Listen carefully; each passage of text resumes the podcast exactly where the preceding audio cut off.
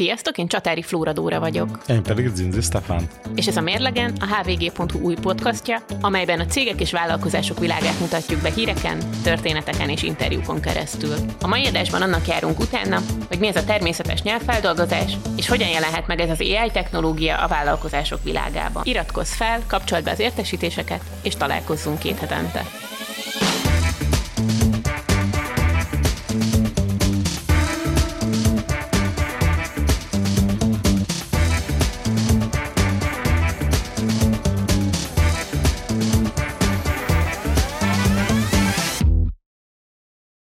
Sziasztok, még mindig nagyon nyár van, eddig Stefó volt nélkülem, most én vagyok Stefó nélkül, de ez annyiban nem befolyásolja a mérlegent, hogy ma is hozunk nektek egy fantasztikus beszélgetést. Itt lesz velem a stúdióban Prószéki Gábor, a Nyelvtudományi Kutatóközpont főigazgatója, a Morphologic cég alapítója, és vele a ChatGPT alapját is adó technológiáról, a természetes nyelvfeldolgozásról fogunk beszélgetni. És hát nem lenne ez mérlegen epizód, hogyha nem térnénk ki arra is, hogy ez a technológia hogyan írja át a vállalkozások világát. A zene után vágjunk is bele.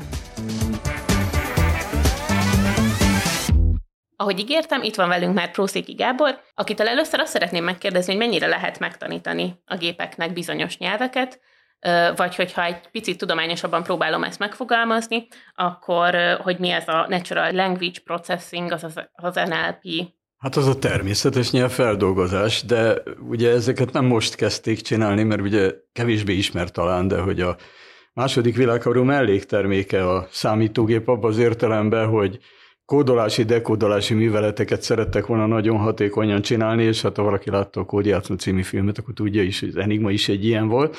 És amikor rájöttek, hogy két kódrendszer közt lehet egy ilyen mechanikus, elektromechanikus géppel valamit csinálni, akkor azt gondolták, hogy bármilyen nyelv is egy-egy ilyen kódrendszer, tehát akkor az egyikről a másikra átalakítjuk, és hosszú ideig ez csak gépi fordítás volt, aztán később mindenféle okok miatt kevésbé jött be a dolog, kezdett szélesedni a terület, mert a fordítás annyira nem jött be, és a pénzek fogyóban voltak, és akkor kezdték a nyelveket mindenféle adatbázis lekérdezésre, meg mindenféle olyasmire használni, hogy talán nem másik emberi nyelvre fordítsunk, például egy számítógép nyelvére, és ezek így nagyon zakatoltak, mert szabályok alapján szerették volna ezt megoldani, a szabályok azok pedig olyanok, hogy mi a miután, a névelő után általában melléknév vagy főnév, aztán azt lezárjam ugye magyarba valami olyan főnév, ami vagy nincs rag, vagy van, aztán jön az ige, és így tovább. Tehát jó sok nyelvész munkája, jó drága, jó lassú, és ezen emberek ezrei, tízezrei dolgoztak, körbelül ugye a múlt század 80-as, 90-es éveig, amikor annyi szöveg keletkezett, ami már elérhető is volt, kezdett az internet erősödni, akkor rájöttek, hogy ezt nem úgy kéne csinálni, hogy mérjük meg a szabályokat, hanem a statisztika, hiszen ott van a sok szöveg, és statisztikai módszerekkel nekiesünk, és akkor majd számítógéppel úgy dolgozzuk fel a nyelvet, hogy amiből sok van, máshogy fogjuk feldolgozni a kevesek ellenére, mert hogy amiből sok van, az nyilván tipikus, ami kevés, az atipikus, sajnos persze attól az még nyelvi, de hát itt erre szokták azt mondani, hogy ez az időszak, amikor nem lehetett lefordítani azt a mondatot, hogy a postás megharapta a kutyát, mert statisztikusan mindig a kutyák harapták meg a postásokat, és ugye nyelvi alapon, szabály alapon alanytárgy meg lehetett volna csinálni, statisztikai alapon viszont azt látták, hogy ilyenekből kevés van, mint az én butácska példám. És ez egészen eltartott a egy olyan tíz évvel ezelőttig durván azt lehet mondani, mikor megjelentek azok a neurális módszerek, meg mély tanuló rendszerek, amiket számomra nem egészen ismert miatt, ok miatt mindenki mesterséges intelligenciának hív, akár ez a része lehet is ennek, de hát az egy sokkal szélesebb fogalom, és nem attól mesterséges intelligencia, hogy szövegeket tud produkálni, hanem hogy tényleg intelligens, és azt nem vagyok benne biztos, hogy a mostani gépek olyan intelligensek, de hogy fantasztikus dolgokat lehet csinálni a természetes nyelvfeldolgozása, Natural Language Processing területén, az egészen biztos, ezekkel a mélytanuló neurális hálós módszerekkel, amikről hát mindenki most már hallotta, akkor is, ha nem, mert azt a szót, hogy ChatGPT ezt akkor is hallotta, nem tudja, mit jelent. A ChatGPT-re mindjárt visszaugrunk, csak így nagyon röviden kellett elég hosszú időt, meg elég nagy tudományos fejlődést végigjárni, úgyhogy megpróbálok visszakérdezni erre egy, egy ilyen laikus szempontból, szempontjából, hogy akkor azt jól értem-e, hogy a, a, az első fázis a tulajdonképpen, amikor megpróbáltuk a gépeket megtanítani valamilyen nyelvre, akkor elsősorban még számítógépes nyelvekre tanítottuk őket, vagy már akkor is tanítottuk nem, azért nem, emberi hát, nyelvre is? Emberire, emberire, csak hogy megpróbáltuk angolra külön, magyarra külön, persze nyilván mindig a nyelvet mindig külön kell tanítani, de hogy nem volt semmi általánosíthatóság, csak annyi, hogy szabályokat használtunk, és a szabályok bár tök különbözőek a különböző nyelvekre, de hát valami hasonlóság van, mert azért az angolban is a névelő előbb van, mint a főnév, hát a magyarban is, de körülbelül ennyi, tehát nyelvészeket vontunk be, és mint mondtam, ők próbáltak valamit létrehozni, az akkor igen modernnek számító generatív nyelvészetből előjövő szabályrendszerek alapján, és hát a számítógép ezeket úgy meg is értette valamilyen szintig, de hát olyan nagyon hatékony eszközeink nem voltak, és az elvárások meg nagyok voltak, akár a fordítás területén, amit hát azért én még emlékszem, amikor ezek csak laboratóriumban van, voltak, azért már egy 10-20 éve elérhetőek, és az utóbbi pár évben olyan emberektől hallom, akik nem értenek hozzá, hogy teljesen használhatóak. Tehát ez a skála, hogy csináltuk, de nem ismerik, csináltuk, ismerik, de nem tetszik, és csináltuk, és meg is ismerik, és még tetszik is. Ez az utóbbi tíz év igazi eredménye. Tehát akkor az első fázis az az az időszak volt, amikor meg kellett volna pontosan tudni nekünk, embereknek, vagyis hát nem nekem, hanem konkrétan igen, a nyelvészeknek, akik ezen gondolkoztak, hogy hogyan működik a nyelv, és akkor, amikor látszott, hogy ez nem biztos, hogy a legfenntarthatóbb megoldás lesz, akkor álltak át arra, hogy statisztikai alapon, és akkor a statisztikai alaphoz képest miben különbözik a, a, a deep learning, amit ugye ilyen egyszeri halandók mesterséges intelligenciának Igen. szoktak hívni? Igen, na, tehát azt lehet mondani, hogy statisztika valahol ez is, tehát azok a módszerek, azok a valószínűség számításból, statisztikából ismertek, amit használunk, de nem olyan egyszerűen. Tehát valahogy úgy kell elképzelni egy, mondjuk a fordítást hoznám példának, persze sok minden másról is szó van. Mondok egy példa mondatpárt, ha ez magyarul úgy hangzik, hogy a kutya ugat, és angolul, hogy the dog barks, akkor aki egy kicsit tud angolul, tudja, hogy melyik mit jelent, de a számítógép, akiről, amiről beszélünk, picit se tud angolul. Tehát ha azt kérdezem, hogy egy ilyen mondatpár esetében az anak mi a fordítása angolul, hát vagy a vagy a dog, vagy a barks, vagy a the dog, vagy a dog barks, vagy a the dog barks. És a kutyának ugyanez. És az ugatnak ugyanez. Tehát ezzel nem mentünk sokra. De jön ám a következő mondat, hogy mit tudom én, a kutya ül, és most hagyjuk az angol ide, ige időket, tehát mondjuk the dog sits. Akkor ugyanúgy néz ki a mondat, mint az előbb, de az a meg a kutya több szavazatot kap, mert a sits meg a barks az különbözik. És hogyha már úgy százezer vagy egy millió mondatunk van, akkor kialakul, hogy a legtöbbször az aval volt így párba, tehát a legvastagabb él köti azzal össze, a kutyát meg a doggal, és így tovább. Tehát statisztika alapon úgy kisakkoztuk, hogy körből melyik szónak milyen jelentése lehet, ennél azért lényegesen bonyolultabb a dolog, de körből így működött a statisztikai világ, hogy gyakorisági alapon szép lassan felépítette saját magát, anélkül, hogy értené. Ezek a mostani eszközök, amik itt a deep learning környékén vannak, ezek nem a betűsorozatokkal foglalkoznak, tehát azok a szavak, amiket mi szónak ismerünk, azok kvázi eltűntek a rendszerből, hanem egy okos matematikai algoritmus a szavakat egy nagyon sok dimenziós térbe helyezi el, ezt tudom, hogy rémesen hangzik, de képzeljük el, ugye az a háromdimenziós teret ismerjük, mert ugye előre, hátra, jobbra, balra, lefel, és hát abba egy koordináta pont, az azt jelenti, hogy egy nyilat rajzolok a nullpontból, az origóból oda, és akkor tudom, hogy x, meg y, meg z koordinátai micsodák. Egy ilyen térbe elhelyez egy pöttyöt a szó helyett, és azok a szavak kerülnek ennek a holdudvarába, amik valamilyen szempontból hasonlítanak rá. Tehát legegyszerűbb azt mondani, hogyha elgépelek valamit, az annyira hasonlít arra, ami az eredeti, hogy mindig ugyanott fordul elő, mint az, amelyik jól van, persze nyilván ritkábban, tehát ott nincs különbség, csak el van írva. Aztán vannak szinonimák, amik nagyjából ugyanúgy fordulnak elő, és így tovább, és ezeket a elhelyezkedési pontokat a szövegből tanulja a rendszer. Tehát úgy kell elképzelni, hogy eszi meg a szövegeket, kapja a folytonos szövegeket egymás után, rengeteg-rengeteg szöveget, és minden szót a környezete alapján, a többi szavak alapján jellemez, bedobálva mondjuk egy zsákba a körülötte levő szavakat, és így szép lassan kialakul minden szóról az a viselkedési forma, hogy kik között szokott ő lenni, és az okos nyelvészek ezt már korábban kitalálták, hogy tulajdonképpen a szó jelentése az nem más, mint a használati szabály, amely szavak között fordul elő. De hát ez 10-100 millió előfordulás kell, hogy ezeket jól tudjuk jellemezni. Na ebben a világban a szavak eltűnnek, és ezek a furcsa vektorok, ezek a nyilacskák jelennek meg, ezekkel matematikai műveleteket lehet végezni, és még a korábbi esetben a nyelvet közvetlenül tanítottuk statisztikai módszerekkel.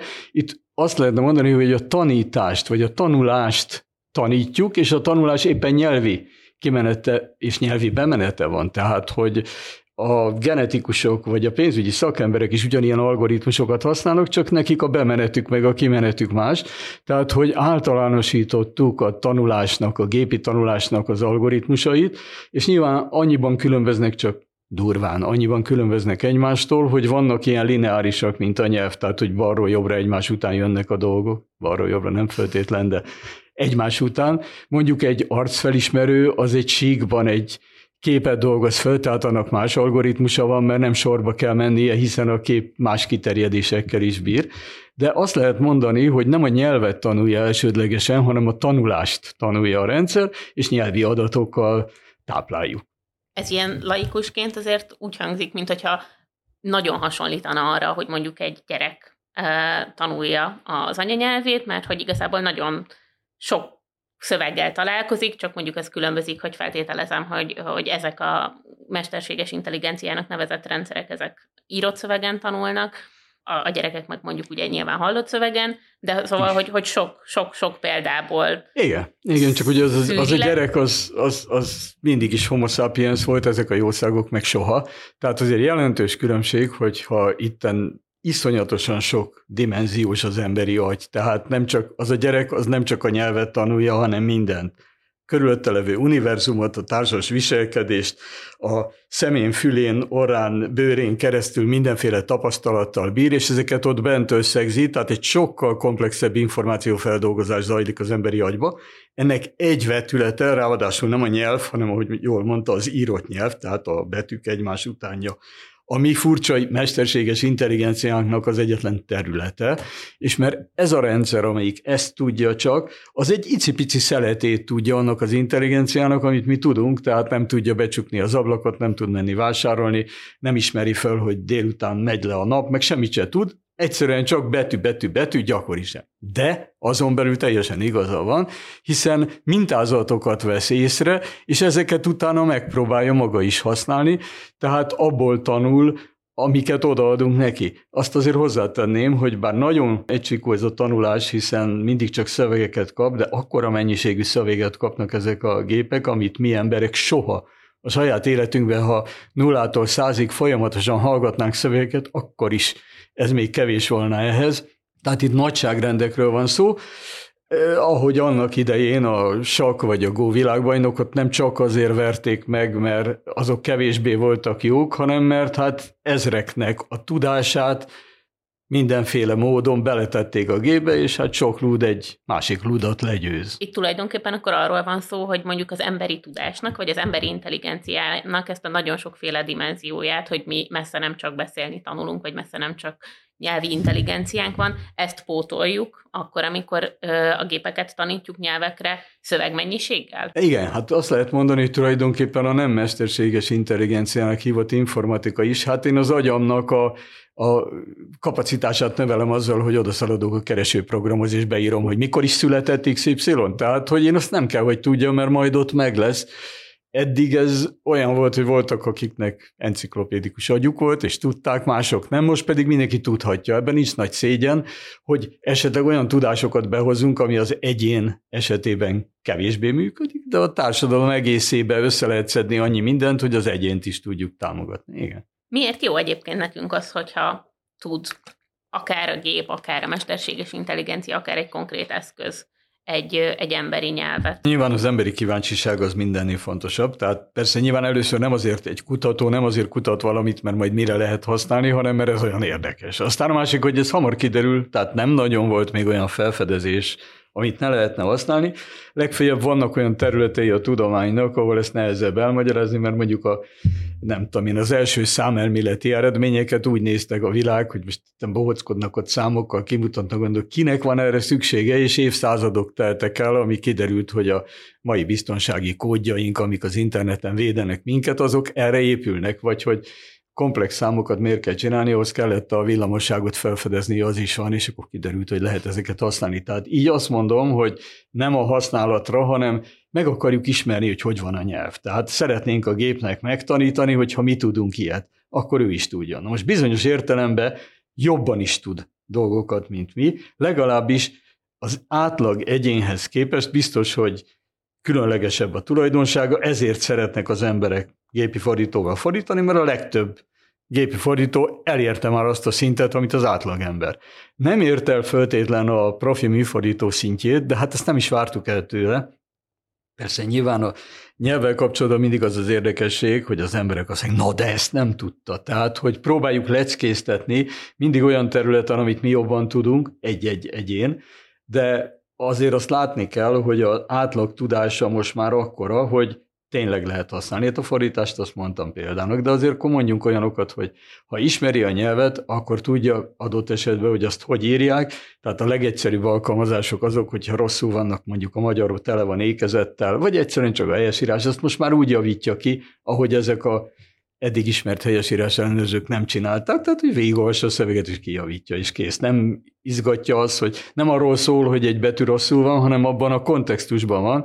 Tehát míg a hagyományos helyesírás ellenőrző nem veszi észre, hogy a mellettet én egy tével írtam, mert az is egy jó szó, hogy mell plusz tárgyeset, de az ott nem jó szó, mert ott a névutó kellene. Ezek az okos rendszerek az egész szöveget, nagy környezetet látnak, erre is jó. Aztán ezekből a szövegekből sok mindent tudnak, tehát olyan információt levonni, hogy ez mennyire pozitív, mennyire negatív, amit hát nagyon szeretnek a marketingesek, mindenféle ilyen témával foglalkozó emberek, hogy egy szöveg, amit mondjuk egy termékről valaki eh, leírt, az mennyire bántó, mennyire pozitív, hogy hangzik az el, és ezt eddig ilyen szavanként elemezték, tehát ilyen úgynevezett sentiment elemző szoftverek voltak eddig is, csak a szavak nagyon veszélyesek, mert ugye van egy ilyen példa, hogy negatív szavak, azok pláne, ha sok van belőlük, akkor negatív a szöveg, hát mondjon egy negatív szót, magyarba nincs, az egy nagyon negatív, mert ilyen igénk van. Az is nagyon negatív, hogyha egy név más olyan, mint a semmi, és keresünk negatív tartalmú főnevet, mondjuk baj, az egy negatív tartalom, és ha leírom egymás után, hogy nincs semmi baj, akkor ugye abból egy pozitív dolog kerekedik ki, vagyis nem lehet szavanként megmondani. Ezek az okos szoftverek, amik ma már mondjuk, hogy mesterséges intelligenciának neveztetnek, ezek az egész szöveget nézik, és el tudják mondani, hogy bizonyos részei pozitívak, bizonyosak negatívak, valakire nézve, de az egész semleges, és így tovább. Lehet a nagy szövegből rövidebbet csinálni.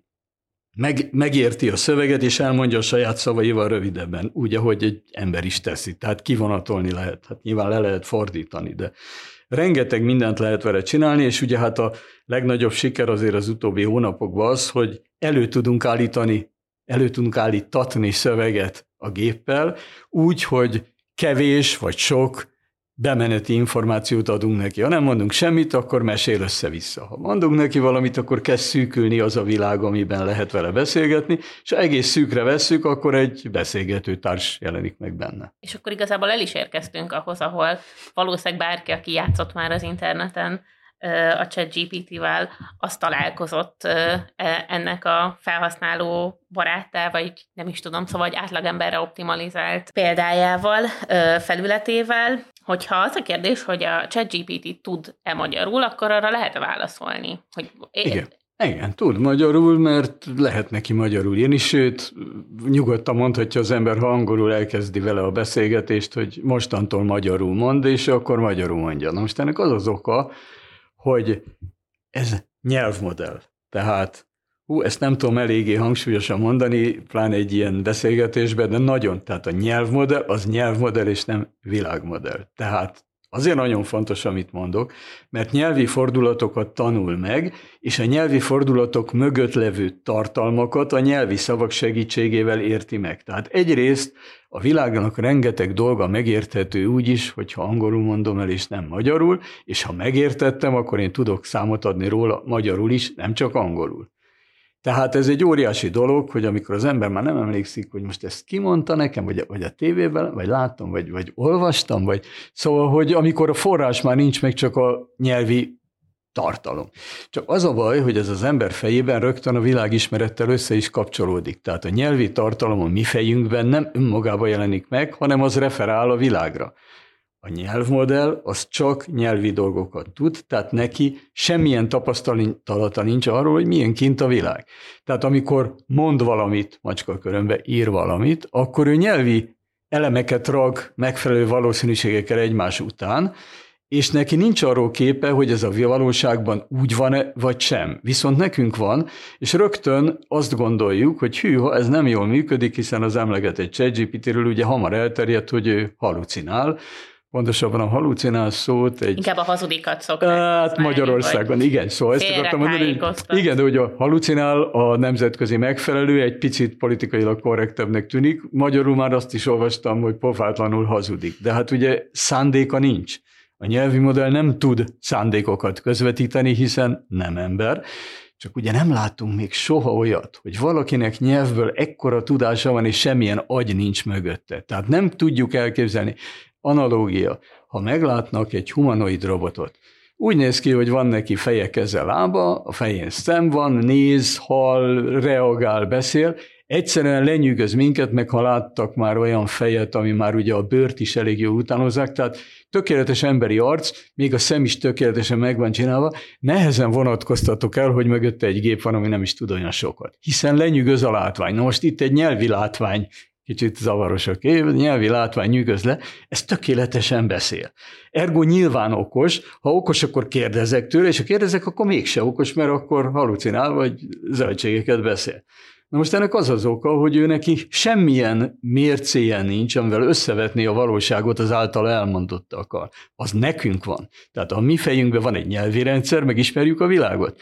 A nyelvi rendszernél megadjuk magunkat, mert gyönyörűen működik, de ha valaki következetlenül, szerencsétlen módon ilyeneket mondaná, mint néha a ChatGPT, akkor arra azt mondanánk, hogy félrebeszél, esetleg hazudik, zöldségeket beszél, na de ez nyelvmodell, tehát nem tudom eléggé mondani, hogy sajnos, amikor a, ugye szokták mondani, hogy a kalapácsra kezébe az ember mindent szögnek lát, a klaviatúra elé ültetett ember a számítógéptől rögtön lekérdez. Tehát azt gondolja, hogy a ChatGPT egy ilyen lekérdező rendszer, és persze, hogy nem jól válaszol, pontosabban gyönyörűen válaszol, csak nem adekvát arra nézve, ami kinézek az ablakon, és más látok. Hát ő nem néz ki az ablakon. Tehát iszonyatosan fontos, hogy nyelvi dolgokat tud, ezért nekünk arra kell őt használni, amiben ő akkor is jó, hogyha a világ nem egészen olyan, mint amilyennek ő gondolja, és nem szabad olyat kérdezni tőle, hogy milyen a világ. Mikor született, mikor halt meg, kicsoda XY, ilyeneket nem lehet kérdezni, mert ő random összerak egy valószínűségi sort. Miért bánná, hogy az nem igaz, hiszen az igazról nincs képe? Mekkora ö, forradalmi áttörésnek számít egyébként maga a ChatGPT, akár mondjuk ebben a mezőnyben is, mert hogy nem tudom, hogy a hallgatóink mennyire vannak tisztában azzal, de hogy egyébként nagyon sok nem chat, csak GPT van, például ugye a magyar puli is elérhető, akár a nagy közönség számára is, szóval, hogy, hogy mondjuk ebből a mezőnyből mennyire emelkedik ki, és egyébként úgy általában ez a mezőny hol, hol tart most. Igen, a, nagyon jó, hogy említette, tehát a Nyelvtudományi Kutatóközpont kutatásainak egyik legújabb eredménye valóan a Puli, amelyik hát a magyar GPT, vagy mindjárt mondjuk mi az, hogy GPT, ugye ő sok mindenben nagyon jó is, talán van, amivel jobb is, mint a ChatGPT, de összességében ő azért egy kicsit sárgább és kicsit savanyúbb, de milyen. Tehát ő egy olyan magyar modell, amelyiknek paraméter száma, ami hát talán néhányokat ez nem riaszt el, hát lényegesen kisebb, mint a GPT-3E, amiből a ChatGPT is épült, de például a GPT-2, ami csak másfél évvel előtte jelent meg, annál már lényegesen nagyobb a puli, lehet, hogy a trendeket látva azt mondom, hogy nem is olyan rossz a helyzet, meg vannak más ilyen GPT-k, na de mi a GPT? Tehát itt három betűről van szó, a G-ről, a P-ről és a T-ről. Ugye a G az azt jelenti, hogy generatív, tehát ez a generatív, az azt jelenti mindössze, hogy előállít szövegeket.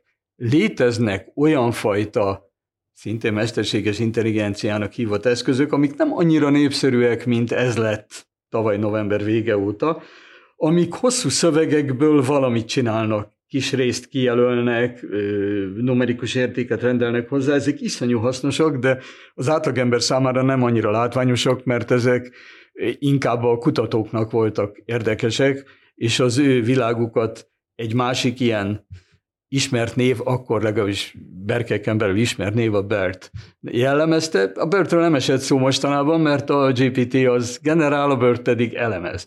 Na most a GPT-nek a P-je, az a pre-trained, tehát az előtanított. Ez azt jelenti, hogy létrehozunk iszonyatosan sok szövegből, hatalmas géppel, jó drágán, mert azért hozzátenném, hogy ezek óriási gépek, tehát még a mi kis pulink is a maga sok milliárd művelet per másodpercével egy hónapon át folyamatosan építette ezt a hálózatot, ami a végén működőképes, de ennél hosszabb idők is elképzelhetőek, és ezek a gépidők ezeken a szuperszámítógépeken igen drágák, tehát ez nem mindenkinek jut lehetőség, hála Isten a ötös kutatási hálózatban nekünk sikerült egy ilyen szuperszámítógépet kapnunk, amin ezért lehet is egy magyar GPT, tehát ez az előtanítás arról szól, hogy létrejön egy nyelvmodell, ami semmit nem tud a GPT esetében, mindössze annyit, hogy megjósolja, hogy mi lehet a következő szó, majd azzal együtt az egész után következő szó, majd azzal együtt az az után következő szó, és ezeket a valószínűségeket tudja mindenféle megszorításokban kicsit rendezni, azokból válogatni, vagyis hogy értelmes szöveget hoz létre, kvázi a semmiből, vagy minimális kezdőszeletből. Ezek a kezdőszeletek, amit ma úgy hívnak, hogy prompt, tehát amit beírnak neki, utána ő ezt hogy tudja folytatni. A kevés promptra nagy a szabadsági foka, hogy erősítem a magam világát, akkor már ahhoz szól hozzá egyre konkrétabban. Egy picit arra kell gondolni, hogy minden bűvész így dolgozik, hogy úgy tűnik, hogy az egész világ összes lehetősége előttünk van, de ő már rég beszorította, csak mi nem tudjuk, attól bűvész ő. Ez is egy bűvész, tehát hogy a világot számunkra egy kicsit meg lehet szor, számára meg lehet szorítani és a T a végén a transformer, az pedig ennek a kétféle dolognak, amiről az előbb mondtam, hogy elemző, meg generáló, ilyen neurális hálós dolgok, ezek a transformerek, az a T, ezek mind a kettő az, de mi csak a generatív, a gyártó transformerekről, a GPT félékről beszélünk, amiből egyébként csak zárójelben mondom, hogy megjelent a GPT néhány éve, és senkit nem érdekelt, hogy van. A GPT 2 nem jelent meg, mert az OpenAI cég bejelentette, hogy az annyira jó, hogy nem teszik publikussá.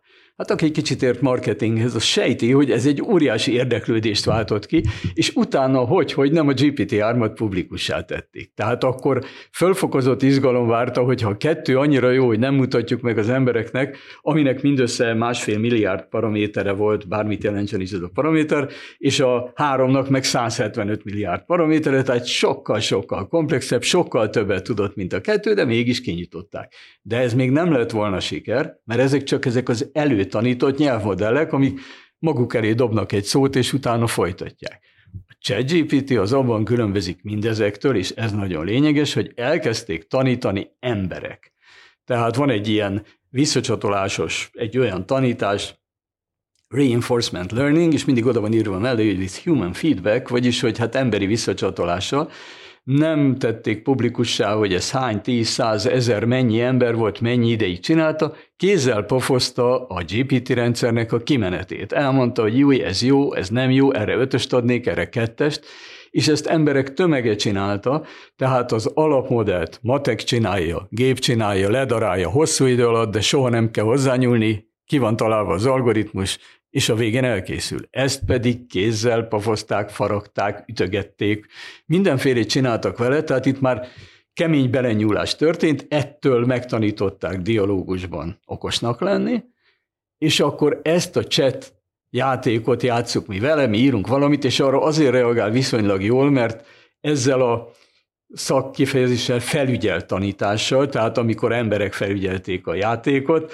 megtanulta ezt. A felügyelet nélküli az, hogy van egy algoritmus, és létrejön a nagy modell, utána viszont ezt finom hangolták ilyen felügyelt tanítással, és ebben rengeteg-rengeteg pénz és munka van, és nem tették publikussá, hogy mennyi, tehát ezt nem tudjuk, mint ahogy magáról a modellről sem tudunk semmit, mert fekete dobozként nyomkodjuk a gombot, és építjük az OpenAI cégnek az adatbázisát, hiszen minden hozzáadott mondatunk az ott megjelenik, és nyilván okos emberek ebből konzekvenciákat vannak le, mi viszont legalábbis az átlagpolgár viszonylag olcsón vagy ingyen hozzáfér, és azt gondoltuk, hogy talán érdemes volna egy olyan rendszert csinálni, aminek az elejétől minden része ismert számunkra, és a pulinak a mozgatórugója ez volt. Tehát lehet, hogy még nem tudunk akkor a géppel működni, mint az OpenAI, de olyan szövegekkel működünk, amik már számunkra ismertek, és hogyha látunk valami olyat, ami érdekes, meg tudjuk nézni, hogy honnan tanulhatta a rendszer, ezt az OpenAI-on kívül, mondjuk még a Microsoft, mert ők azért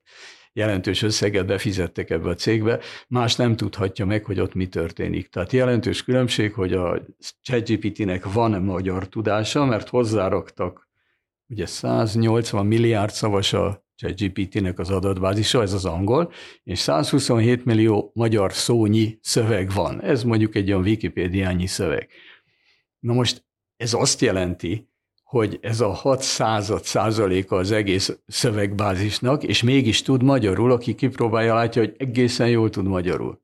Ennek az az oka, hogy ahogy arról már volt szó, nyelvmodellként működik, és hogy alapvetően nyelvet tanulni tanul meg, és És akkor a magyar az egy, meg tudja szólítani magyarul is ezt a létrejött vektorokból álló, szavakat nem tartalmazó, csak rákövetkezési valószínűségeket tartalmazó világot, meg lehet szólítani magyarul is, ott bent elfutkos, aztán a végén megkérem japánul a kimenetet. Tehát minden a megtanított nyelve lehet. Amit nem tud a ChatGPT, hogy a magyar kultúráról, a magyar társadalmi világról bármit kérdezek, azt ott egyből halucinálni fog, mert a 180 milliárd angol szó nem teszi lehetővé, hogy azt kérdezzem, hogy mi a különbség Bródi János és Stefanovi Dusán szövegei között. Mert ezekről ő nem hallott, nyilván rá fog jönni, hogy ezek nevek, és valamit majd hablatyol a Paul McCartney meg a Keith Richards, nem tudom, szövegei, de biztos, hogy nem tud semmit, míg ha magyar szövegen tanítjuk, akkor a szövegnek nem csak a nyelvi részét fogja jobban elsajátítani, hanem a magyar kultúrából fog információkat felszedni, bár kétségtelen, hogy a ChatGPT is beszél magyarul, de nem lehet vele akármiről beszélgetni magyarul, és hát a nagyságrendek is azért jellemzőek, mert a 127 millió szó a ChatGPT-ben, ez a Puli esetében most 41,5 milliárd szó, tehát nekünk ennyi, ekkora a magyar szövegkorpuszunk, ami hát lényegesen, lényegesen nagyobb, és ha valaki nem tudja, hogy ez hány szó, akkor egri csillagok az 135 ezer. Tehát, hogy néhány millió egri csillagokat beleraktak, vagy raktunk mi, és így úgy tűnik, hogy az egy jelentős dolog, hogy egy sok tízezerszer akkor a magyar szövegbázison tanul, tehát nyilván a magyar tudása összehasonlíthatatlanul jobb, de ez nem jelenti azt, hogy nem lehet magyarul kiválóan elbeszélgetni a ChatGPT-vel is, csak a magyar kulturális háttere gyenge. Még a Puli az egy, az egy tudományos célból készülő nyelvmodell, addig a ChatGPT az egy üzleti vállalkozás, vagy több, most már több üzleti vállalkozásnak is az érdekeltségébe tartozik. Lehet, lehet különbséget tenni abban, hogy, hogy egy ilyen üzleti típusú felhasználás most a transzparencián kívül az, az mondjuk mire fókuszál, vagy miben tér el egy, egy tudományos megközelítést, amit alapvetően a kíváncsiság mozgat? Ö, azt gondolom, hogy azért nem degradálnám az OpenAI-nak a csapatát, mert azt gondolom, hogy nyilván ott is a tudományos érdeklődés megvolt, de nyilván egy ilyen rendszer, amelyik alapvetően azt tudja, hogy melyik szóra melyik következzen, ez önmagában nagyon érdekes, hogy ilyen a nyelvmodell, és nagyon érdekes lecke a a hagyományos modern nyelvészeknek is, hogy képzeljük el, azért ezt elmondom, hogy ezt nem tudtuk eddig a nyelvről, hogy ilyesmi benne van. Tehát azt tudtuk, hogy szóalaktan, meg mondattan, meg jelentés, meg mit a mindenféle használati dolgok, de hogy az, a szövegeink nagy részt úgy tartalmaznak világismeretet. Mondok egy példát, mert ugye a magyar nyelvben szerencsés módon a nemekről nem esik szó, most nem csak a genderügyre utalok, hanem egyáltalán magyarban, mivel nincsenek nemek, ezért ez egy viszonylag egyszerű nyelv, és garantáltan sem az ige alakban, sem névmásokban nem utal semmi arra.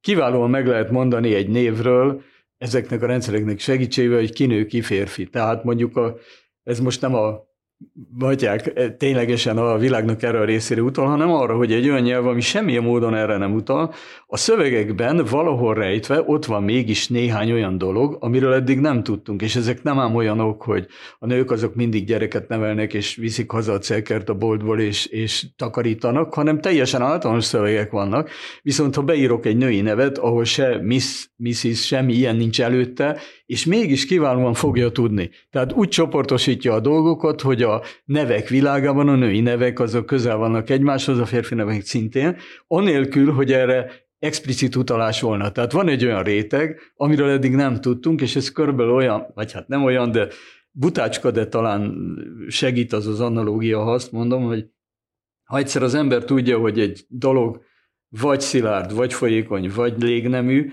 akkor olyan nehéz elképzelni, hogy mi ez a plazma. Én tudom, hogy a fizikus elmondja, hogy milyen, de valójában az átlag emberek most vagy kemény, és akkor vagy folyik, vagy a levegőben van. Tehát tudom, hogy van, de tehát ez ugyanilyen helyzet, hogy tudom, hogy itt van egy olyan tudás, amiről eddig nem tudtam, de nem tudom megfogni, mert ez nem a szavakon múlik, meg nem a mondatokon, hanem egyáltalán. Tehát a röpködő hangsorok vagy betűsorok, valaki ezeket összeszedi, egy számítógép, ugye összedobálom a sarokba 100 millió szám a dolgokat, és amikor ott jó sok van belőlük, akkor olyanokat tudok mondani a nyelvről, ami nem csak a nyelvről szól, hanem a nyelvről úgy, hogy a világismeretnek a nyelvi vetületét elhozza, ahol nyilvánvalóan nem a biológiai rendszertan szenit, de biztos, hogy a CET vagy a delfin az hal lesz, mert hát a világismeretünk olyan, hogy azok úgy néznek ki, és fog hasonlítani egymásra, mint ahogy láttuk is a mi zöldség leképezésünknél, még a, nem tudom én, a torma, meg a mustár, meg a, amik nyilván nem a mustármak hasonlít a tormára, hanem hogy azok, ami miatt mi ezt tesszük.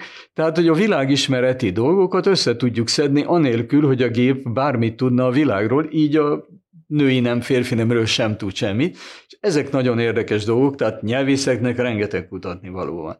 Ezzel szemben a OpenAI hamar rájött, hogy csináljunk egy olyat, ami a ChatGPT lett, ültessünk le embereket, és próbáljunk egy ilyen dialógus helyzetet létrehozni, és ebben a dialógus helyzetben olyan dolgokat tanítani neki, amikből aztán további haszon lehet. Ez már valószínűleg nem csak a tudományos érdeklődés, hanem egy üzleti gondolkodás. Hát gondoljuk meg, hogy nem csak emberi nyelvek vannak, programozási nyelven, mondjuk Python nyelven kiválóan lehet kódokat generáltatni vele. Én szépen leírom, hogy mit akarok, sőt, ami ennél sokkal jobb, én megírom az egészet, és megkérdezem tőle, hogy jól van-e így. Ezt egyébként emberi nyelvi szöveggel is érdemes megcsinálni, tehát nem lekérdezni kell, hogy hogy halt meg József Attila, mert azt mi jobban tudjuk, és ha valaki nem tudja, nézze meg a Wikipédián, vagy kérdezze le a Google-t, vagy bármit. Ezzel szemben azt megcsinálni, hogy írok egy szöveget, és azt mondom, hogy jól van ez így, javíts ki. Nem tudok elég jól angolul. Nem az a lényeg, hogy ő mennyire tud, hanem hogy ezt most kérem kijavítani, és kijavítja.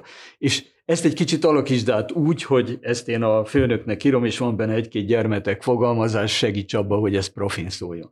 Tehát amikor elég nagy ez a prompt, elég sok szöveggel ugrom neki a feladatnak, akkor ő kiválóan tud ebbe segíteni. Tehát, hogy az a tévedés tárgya, hogy mi azt gondoljuk, hogy ez arra való, hogy a semmiből szöveget állítson elő, és sokan rettegnek is tőle, hogy megírja a gyereknek a dolgozatot. Hát üzenjük a tanároknak, hogy ne adjanak fel olyan feladatot, amit a ChatGPT jól ír meg mert az nem egy bonyolult feladat, az legfeljebb kényelmes a gyereknek.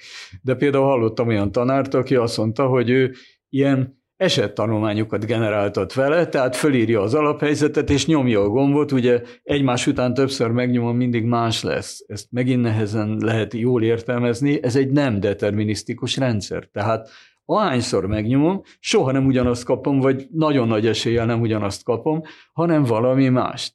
Ergo nem lehet tudományos kísérletnek a tárgyává tenni, mert a tudomány legfontosabb tulajdonsága, hogy a kísérletei megismételhetőek. Márpedig itt az a kísérlet, hogy én megkérdeztem a ChatGPT-t, az még egyszer nem áll elő, tehát bárki állíthatja, hogy azzal írta, és bárki mondhatja, hogy szerinte ezt a ChatGPT írta. A lényeges, hogy olyan jó legyen a szöveg, hogy ne kelljen azon gondolkozni, hogy ki írta, ha nekünk ez segített, hogy a betűket ő gyorsabban írja egymás után, mint mi, de kiavítjuk hadd használja bárki. Tehát végül is Kódot is lehet generálni, de azért végül én vagyok a felelős, hogy az a kód jó-e, de ő elég jót csinál. Fordítani is jól fordít, de én vagyok a felelős, hogy tényleg jó-e a fordítás. Tehát lehet azt mondani, hogy a tanároknak inkább arra kell majd fölkészülni, hogy ezeket az eszközöket használják az emberek, akkor szűkebbé válik az a világ a gép által csinált és a tökéletes között, mint eddig. Mert eddig széles skálán volt az egyes, a kettes, hármas, négyes, ötös osztályzat. Most a ChatGPT mondjuk egy nyelvszakosnak lefordítja négy-ötödre helyből. A tanárnak, aki még nincs fölkészülve, mert azért diák mindig jobban föl van készülve, mint a tanár, arra kell fölkészülnie majd, hogy a négy-ötödre adjon egyest. Mondvám, hogy ezt a ChatGPT is tudja. És a skálát az eddigi négy-ötöd és az ötös közé kell tenni. Ezt jól javított a kettes, ezt nagyon jól javított a négyes, ez tökéletes ötös. És akkor hát el kell viselnünk azt, hogy ugye futni, úszni se tudunk jobban sokkal, mint régen, egy kicsivel mindig jobban, de ugye nem fogunk száz métert egy másodperc alatt lefutni, tehát ezért elkezdjük a másodpercet, a tized másodpercet, ad abszolút a század másodpercet mérni, tehát hogy egyre precízebben mérjük, és egyre kisebb különbségeket mérünk olyannak, ami azelőtt úgy volt, hogy szemmel is láttam, az egyik befutott, a másik meg még nem. Hogyha visszakanyarodhatunk, bocsánat, Persze. a vállalkozásoknak a, a világában, mert végül is mégiscsak a mi podcastünknek a, a hallgatói alapvetően erre, erre kíváncsiak. Mit, mit lehet mondani a, a természetes nyelvfeldolgozáson alapuló modelleknek a fejlődéséről vállalkozóként, hogy mi, mi, mi az az irány, amiben ezt lehet használni, mik azok az eszközök, amik már elérhetőek, illetve mondjuk valaki szeretne befektetni, akár kutatásba is ilyen területen, akkor, akkor mik azok a részei, amikre most érdemes lehet figyelni. Hát amit eddig elbeszélgettünk itt dolgokról, azok mind használhatóak az üzleti világban is, de nyilván az nagyon jó, hogy ez az alapmodell, a nyelvmodell, ami kész, azt lehet utána finom hangolni, és ha valakinek van egy jó gondolata, hogy neki egy olyan rendszer kellene, ami ebben a szűkebb világban ilyesmire tud jól válaszolni, azt meg lehet csinálni kisebb apparátussal, mint a nagy nyelvmodellt. Tehát a tanulásunk, az emberi tanulásnak nagyon érdekes tulajdonsága, hogy megtanulunk először mondjuk valamilyen nyelvet, aztán meg specializáljuk magunkat fűtésszerelési szaknyelvre. Tehát így lehet, ha van egy jó ötlete egy vállalat vagy egy befektetőnek, hogy ezen a területen jól lehetne ezt használni, akkor elindul egy specifikus, most már finom hangolt verziója a nagy rendszernek, és ilyeneket bármelyik ilyen alap GPT-re legyen az a GPT-3, vagy a Puli, vagy bármelyik a Bard, vagy még rengeteg ilyen van. Erre lehet ilyet. Tehát az biztos, hogy jó ötleteket hamarabb meg lehet valósítani, mint korábban bármikor, mert az alapnyelvmodell megvan. Aztán nagyon fontos, hogyha ö, ilyen homályos, bolyhos keresésre van szükségünk, ezek a rendszerek nagyon jól tudnak segíteni. Tehát arról van szó, hogy a tipikus lekérdező rendszer azt jelenti, hogy beírok valamit, és ha az ott van a szövegben megtalálja, nincs ott, akkor nem találja meg. Meg tudom mondani, hogy lehet olyasmiket kérdezni tőle, hát nem, ez, ez nem egy üzleti felhasználás, amit mondok, de talán érthető, hogy miért mondom, hogy azon az alkalman, ahol ott voltak 170-en volt egy magas, ősz, bajszos férfi, és lehet, hogy ezt ő meg fogja találni, vagy ötleteket ad, hogy ki volt az, míg a, mondjuk a Google-be ilyet nem lehet beírni kérdésként. Tehát, hogy neki lehetnek olyan fajta képei a nyelvből megtanult formákról, amikről mi azt gondoljuk, hogy az egy ember, ő csak ilyen jeleket, jegyeket vesz le róla. Tehát nagyon jól lehet ilyenre használni. Aztán mondom, nagyon jól lehet arra használni, ez mondjuk nem föltétlen üzleti, de üzleti metódusokat tanító embereknek nagyon hasznos, hogy generáltotok vele komplex késztadikat, és utána a hibákat kérem számon mondjuk egy vizsgáztatásnál. Tehát, hogy megkérdezem, hogy ez hol téved, mert sajnos tudjuk, hogy téved, de ezt nagyon nehéz kézzel. Tehát nagyon nehéz kitalálni olyat, hogy hogy legyen egy kicsit torz, de ez már automatikusan gyárilag egy picit torz képet ad, és ha ötször egymás után megnyomogod, öt különböző olyan esetet hoz, amiből meg lehet tudni, hogy az illető elég fölkészült-e, akinek meg kell találni, hogy hol van benne a hiba. Ezt eddig ilyeneket nem láttunk. Tehát én még ennek nincs. De azért gondoljuk meg, hogy ez november 30-án jött ki, tehát fél éve sincs, már prompt engineeringről beszélünk, hogy már ugye vannak olyan szakmák, amik fél év alatt alakultak ki, és most... Ez bocsánat, ez tulajdonképpen a prompt engineering az azt jelenti, hogy, hogy vannak már most olyan emberek, akiknek az a munkája, hogy a gépet gép tanulását segíti. Igen, illetve, hogy olyan előszöveg, hát elő, ugye már az alapmodell megvan, de olyan irányba vigyük tovább, hogy a gép ezeket további tudásként felhasználja úgy, hogy a nagy tudásban, nyelvi tudásban nem volt, de egyre több tényszerű tudást adunk neki. Szövegeket tud villámgyorsan kategorizálni, és mondjuk egy ilyen ügyfélszolgálatnak a munkáját tudja könnyíteni. Nem arról beszélek, hogy ő fog válaszolni, mert lehet, hogy nagyon jól tud nyelvileg, de nagyon könnyen téved is.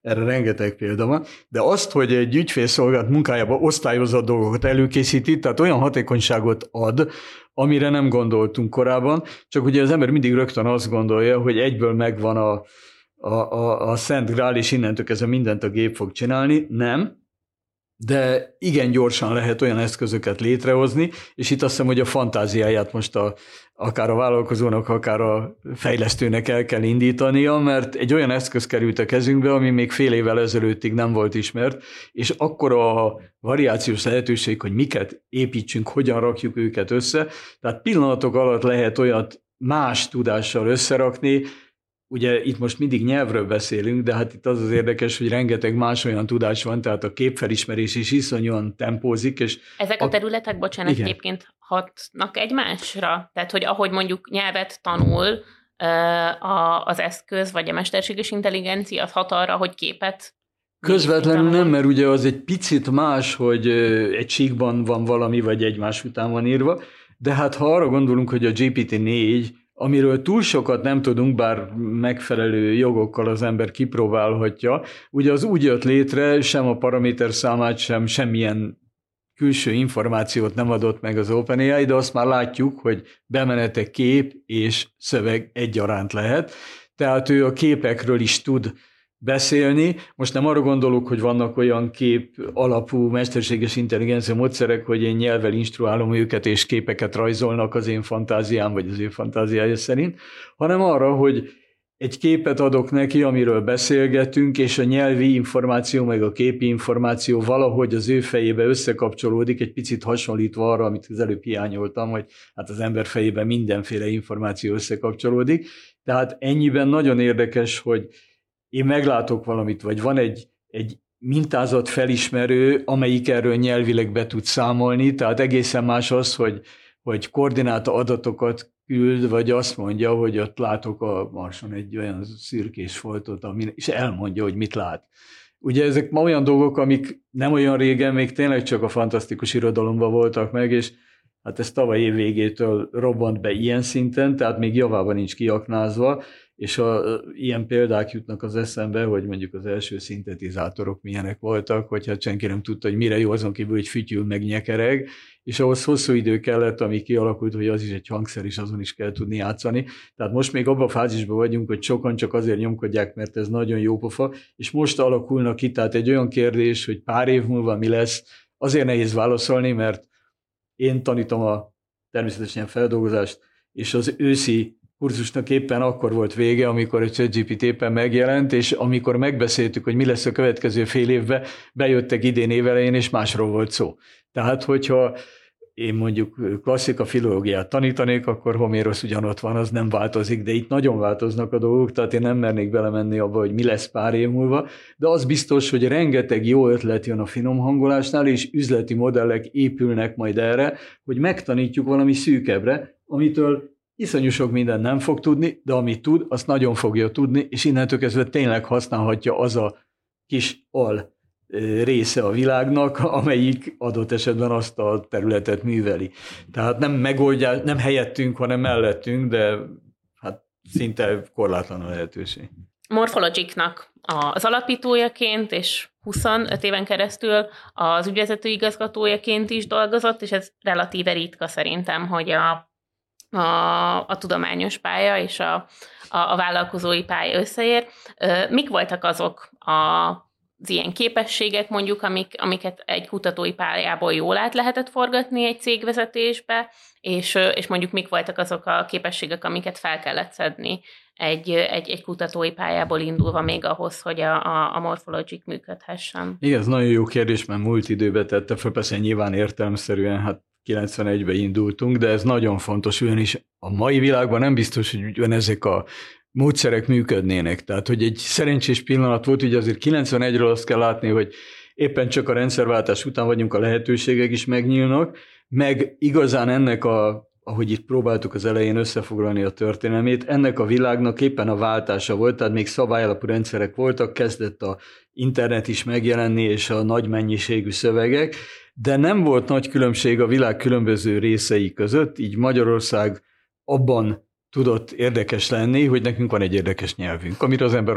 alkalmatán lehet büszke, ez mondjuk a tudományos része, hogy azt sikerült olyan technikai megoldásokkal földolgozni akkor, amitől sebességben, méretben versenyképes volt a formailag egyszerűbb, mondjuk az angol nyelvvel, nyelvekkel, és innentől kezdve a magyarhoz képest egyszerűbb, de az angolhoz képest bonyolultabb nyelvek leírására alkalmas volt a mi módszerünk. Na most a világ éppen mivel nyitott, nem volt még kialakulva a számítógés nyelvészeknek az üzleti világa, tehát a korábban konferencián találkoztam XY professzorról, most meg egy céget képviselt, adott esetben több ilyen érdekesség volt, vagy IBM-et, Xeroxot, nem tudom, találkoztunk, és hamar megállapodtunk, hiszen ugyanazt a nyelvet beszéltük. Tehát ma már teljesen professzionális cégvezetők vannak, akik valahány százalékban nyilván van affinitásuk a nyelvi dolgok iránt, de hát ők üzletemberek. Akkor ez nem így volt, tehát nagyon könnyen lehetett, talán az volt az előny, vagy az én esetemben, hogy én egyszerre voltam számítógépes és meg nyelvész is. Ezt nem biztos, hogy így lehet ö, szándékkal kombinálni ma, mert nyilván a, az ügyvezetés, amikor én céget alapítottam, hát az egy igen mókás dolog volt, kezdet-kezdetén ketten voltunk ügyvezetők, volt egy olyan kollégám, Dominus Péter, aki értett az üzlethez, nem értett a számítógés nyelvészethez, és én fordítva. Viszont hamar kiderült, hogy abban a világban én az üzleti ügyeket is hatékonyabban tudom intézni, mert olyanokkal találkozom, amilyen én vagyok. Tehát ő igazi üzletember volt, más területről jött, és ezen a területen még nem voltak igazi üzletemberek.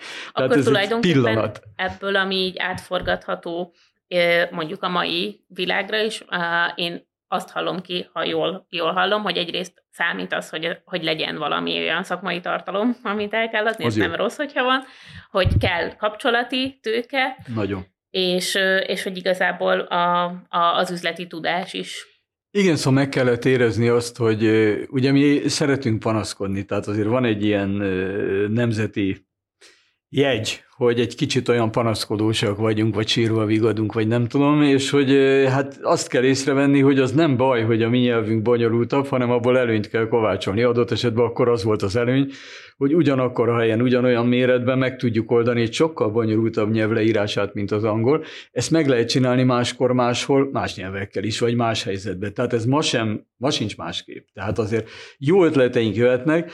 Nyilván egy picit nyelvfüggetlenebb az a világ, amiről eddig beszéltünk, de vállalkozóként meg lehet szagolni, hogy hol van egy olyan terület, ahol ki tudjuk azt használni, hogy mi olyan dolgokat viszünk bele a nyelvünk, a kultúránk bármi kapcsán, ami előny lehet, miközben nagyon hasonló módszerekkel dolgozunk. Tehát még az nekem se világos, hogy hol tudnánk, de az biztos, hogy, hogy ahhoz, hogy mondjuk egy, egy kommunikációs rendszer, ami kiszolgálja a nem tudom érdeklődőket itt Közép-Európába, az, az a közép-európai gondolkodásmóddal vagy mindsettel kapcsolatba kell legyen, és azt nem lehet úgy csinálni, megcsinálom egy ilyen angol száz területen, és adok neki egy magyar nyelvű interfészt. Tehát, hogy miközben jól működik magyarul, de hogy beszéltünk róla. Tehát lehet, hogy van ennek előnye, mert bár minden globális, de tulajdonképpen az egész globalizáció úgy működik, hogy lokálisan. Tehát, hogy mindent lokalizál ahhoz, hogy üzleti eredményt érjen el, Miközben az alapmódszerek általánosak, de ha nem tudja lehozni a napi gyakorlat szintjére, akkor az abban a furcsa világban mégsem fog működni, tehát lehet, hogy ebből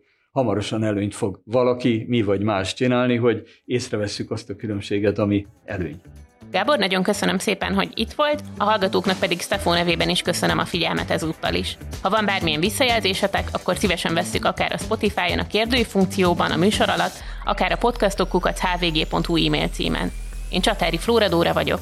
Sziasztok!